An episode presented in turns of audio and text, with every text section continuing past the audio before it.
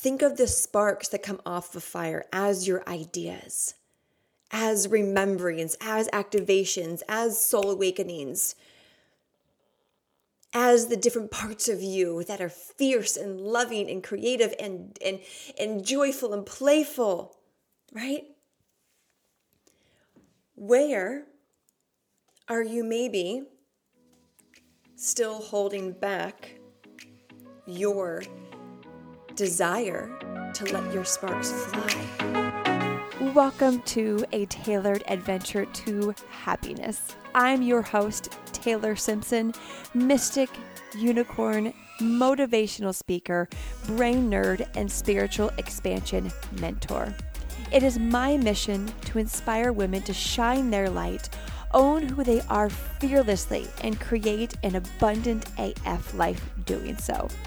On this show, I cover everything from neuroplasticity, sexuality, to how to tap into different frequencies like money, dissolve unserving beliefs, and get high vibey with fifth dimension goodness.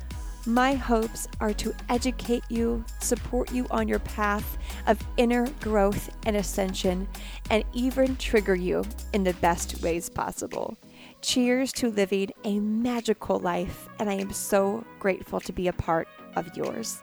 Now, let's head in to today's episode. Hello, and welcome to the other side. If you are new, well, welcome. If you are a regular, I love you. I love you. I love you. Mm. Today, we are talking about the fire. Yes, we are going there around the potency and beauty of the fire. But before we go there, I want to read you something that came through this morning. I have been getting back into a practice of allowing the medicine of written word to come through. Written word being a combination of stream of consciousness, poem, just in a, a beautiful ceremonial way. And I used to have a, a good practice, a consistent practice around allowing myself to express through written word. And this transmis- transmission came through during my morning routine this morning as I was sitting there, just watching the flame from a single candle that I light every morning. And isn't it so beautiful how a single flame can be so mesmerizing? a single flame can just pull us in and really ground us. Watching the flame, time seems to not even exist. And as I'm watching this flame and just seeing it dance, I begin to hear these words come through my mind, my body, my soul, my heart, and I lean over and grab my dedicated written word journal. And what came through was, I know, to be such a powerful medicine for us all. As we, right, I'm on this path with you, as we step into our power, our fire, our light. So if you are distracted right now, if you are anything but but in a receiving state, I encourage you to pause and sit and receive this or come back and listen to it later. Here we go the wildfire. The fire doesn't say sorry when its smoke engulfs you because you happen to be standing in her field. It doesn't say excuse me when its sparks fly past you. The fire stands in all of her glory, grounded in earth, and without words declares that if you are in her presence, she will not dim her natural essence just to make you comfortable. You will see her embers glow with both warmth and fierceness. Those who have the opportunity to witness the fire and all of her untamed beauty are mesmerized, pulled in, Feel the warm embrace and the heat of her passionate love. Those who are aligned with her medicine, her heat, her powerful light, will see her and gather around her, wanting to be in her energy. They will tell others of her wisdom, her love, her natural beauty. The fire owns her power. She takes up space, regardless of those around her appreciate it or not. With time, she allows more heat to be created and her glow to become even brighter, never apologizing for who she is. She is the fire. Mm. How are you the fire? How are you allowing yourself to glow brighter? And I love this this first line, first two lines. The fire doesn't say sorry when its smoke engulfs you because you happen to be standing in her field. It doesn't say, excuse me, when its sparks fly past you. The fire simply stands in all of her glory. Think about that. The last time you were in front of a fire, whether that was a fireplace, when you were camping, wherever, think about that. She just is this fire that starts from a piece of wood and then is ignited with heat. And this heat alchemizes into this fire. It starts maybe a little glow, a little dimmer, and it gets hotter and more intense and then takes over. And then the embers beneath the fire are so hot they are the hottest part of the fire. Did you know that? The embers are the hottest part of the entire container that is a fire. It is rooted, it is grounded, it becomes one with the earth. And when its smoke comes off, it doesn't care who's in the way. It's not like, oh, smoke's coming. The, the, the heat, the smoke from my fire is coming. Watch out. Nope the, the, the, the smoke just goes. The smoke just goes. And when the sparks fly off, just sporadically, freely, it doesn't say, oh, excuse me, a spark's coming. A spark of love, a creative idea. See as this fire, this story is a mirror for you. Think of the sparks that come off the fire as your ideas, as remembrance, as activations, as soul awakenings, as the different parts of you that are fierce and loving and creative and, and, and joyful and playful, right? Where are you maybe still holding back your desire to let your sparks fly? Do you have a creative idea that you're maybe scared to let go, to actually be birthed? Are you fearful of allowing your fire to grow and glow brighter and brighter?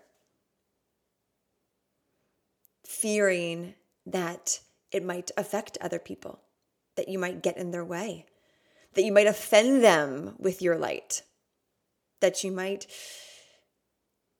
hurt them with your light. But really, it's their own wounds, their own projections that are hurting them. When we allow our light, our fire to glow brighter and to become more powerful, more potent, there are people who are going to be offended by it, who are going to say it's too much, who are going to run away from the smoke, run away from the flames, run away from the sparks, or try to cover up your fire. With a blanket with their words physically, energetically, covertly, through manipulation, through gaslighting, all of it. But what if, I like to play the what if game. What if your soul's purpose was to allow your fire, your light, to be so obnoxiously bright that those around you have no other option but to receive your sparks of love, receive your, your triggers, receive your permission to also be themselves because you're like, hey, I am glowing, I am on fire, I am being myself. And they're like, I want some of that. I want to learn how to do that. What if your soul contract was just to be so yourself, so bright, so fiery? that those around you needed it in order to wake up. Even if they are dead asleep and you're like, that is not happening anytime soon. What if they need you to stand so firm in your foundation of your fierce embers that it might take a few months, a few years for them to wake up? You don't have to force them. The fire doesn't force people to watch it. The fire just is. It doesn't say, hey, come look at me. Come do what I'm doing. Come light your fire with me. Come jump into my fire. Nope. The fire just is. It doesn't have to try to change people. It doesn't have to try to get people to like it. It doesn't have to get try to get people to embrace it, to understand its sporadic sparks. It just is. I love that one right there. The fire doesn't have to get people to understand its sporadic, spontaneous sparks. It just goes with the flow. It lets everything out and move and release whenever it is meant to be moved and released. Where can you allow yourself to be a little freer? to express what wants to come through without judgment, without shoving it down, without saying, oh, that looks awkward. I'm going to make people feel uncomfortable. I don't want to rock the boat. I don't want to offend people. I don't want to fail. I don't want to be judged. Can you just delete all of those? And know that you are the fire. Pretend that you are the fire if that works. Where can you let your inner chaos and craziness just fly into the skies? without needing to put a shelter over top of it or a blanket over top of it. What happens, and you know this, you know where I'm going with this. What happens when we allow our spontaneous sparks of idea, love, joy, without expectation, without fear, without will people see me, will they understand me? When we do it without all of that, we immediately raise our vibration. We become lighter. And what happens when we become lighter? When we become lighter, is we open ourselves to receive.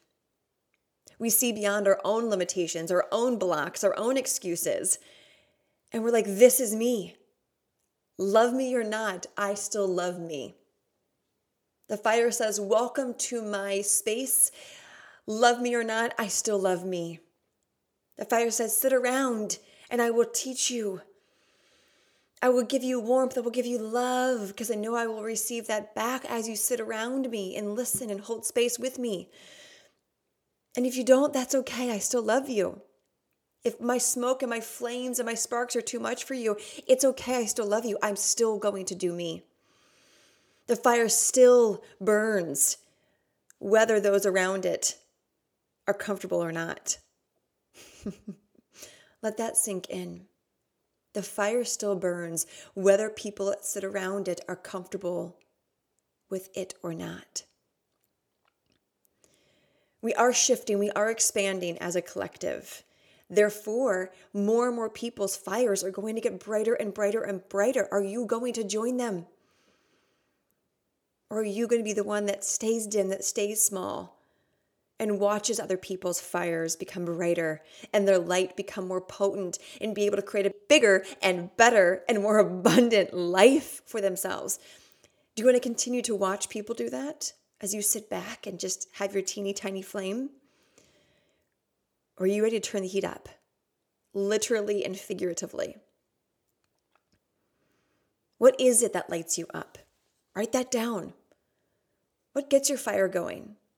What brings joy to your heart? You might not know your soul's purpose yet. You might be changing it. You might know it and you're fully in it.